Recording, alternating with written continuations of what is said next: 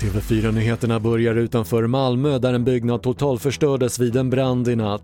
Den var övertänd när räddningstjänsten kom till platsen och man riktade in sig på att rädda kringliggande byggnader men spridningsrisken bedöms nu som låg.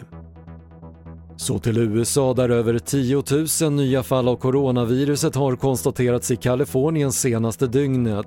Det är rekordmånga under ett och samma dygn i delstaten som är en av flera delstater som under de senaste veckorna märkt av ett ökande antal nya virusfall. Antalet nyinskrivna covid-19 patienter på intensivvårdsavdelningarna i Sverige fortsätter att minska och ligger nu på under 10 personer per dag. Som högst var siffran 62 i slutet av april och flest patienter vårdas i Västra Götalands och Stockholmsregioner. Och trots coronapandemin har rekordmånga bostadsrätter sålts under juni enligt nya siffror från Svensk Mäklarstatistik.